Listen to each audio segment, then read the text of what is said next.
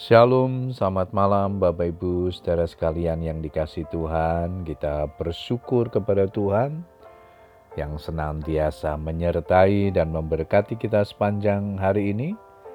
Malam hari ini kita kembali berkesempatan untuk berdoa dengan keluarga kita.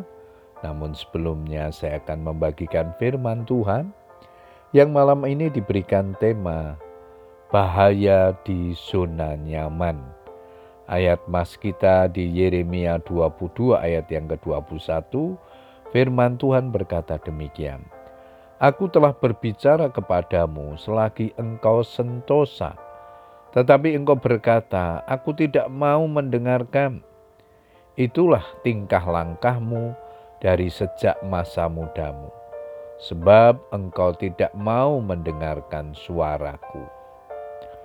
Bapak Ibu Saudara sekalian, sudah menjadi sifat manusia ketika hidupnya dalam keadaan sentosa atau baik-baik saja, aman, sehat, makmur, dan berkecukupan, ia cenderung melupakan Tuhan dan sepertinya tidak lagi membutuhkan kehadirannya.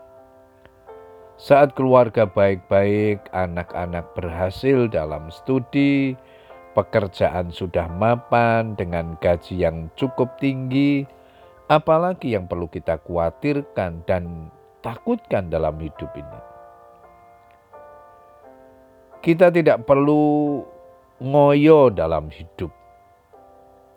Ibadah ke gereja seminggu sekali saja, berdoa saat mau makan, hendak tidur pada malam hari, dan setelah bangun pagi saja. That's enough, sudah cukup. Ini sering yang kita lakukan.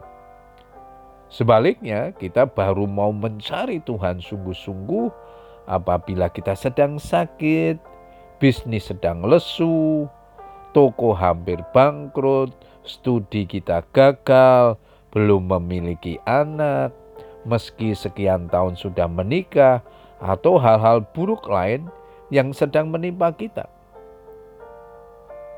Bapak Ibu Saudara sekalian, tidak salah bila kita datang mencari Tuhan ketika kita dalam masalah.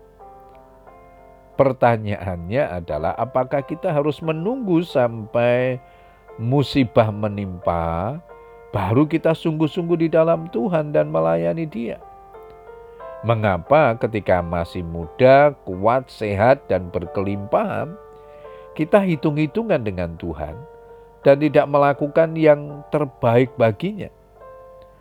Dalam Matius 19 ayat 16 22 ada seorang anak muda yang hidupnya makmur dan segalanya baik-baik saja. Bahkan dalam hal kerohanian sepertinya dia tidak bercacat. Semua aturan hukum Taurat dia sudah lakukan dengan baik. Namun ada satu hal yang kurang seperti yang dikatakan Tuhan Yesus. Jikalau engkau hendak sempurna, pergilah, jualah segala milikmu dan berikanlah itu kepada orang-orang miskin. Maka engkau akan beroleh harta di surga. Kemudian datanglah kemari dan ikutlah aku. Dan ternyata anak muda ini lebih memilih mencintai hartanya daripada mengikuti perintah Tuhan. Harta, kemewahan menjadi prioritas utama dalam hidup anak muda ini, melebihi kasihnya kepada Tuhan. Oleh sebab itu, dia memilih meninggalkan Tuhan daripada kehilangan hartanya. Bapak Ibu Saudara sekalian dikasih Tuhan, bagaimana dengan kita? Apakah kita sungguh-sungguh menjadi pengikut Kristus yang dalam situasi apa pun tetap cari Tuhan? Atau hari-hari ini kita menjadi lemah, dininya bubukkan oleh keadaan dan tidak sungguh-sungguh menjadi mencari Tuhan. Biar ini menjadi perenungan bagi kita, tetaplah hidup dekat kepadanya, tetaplah setia kepadanya. Tuhan Yesus memberkati kita semua. Selamat berdoa dengan keluarga kita. Amin.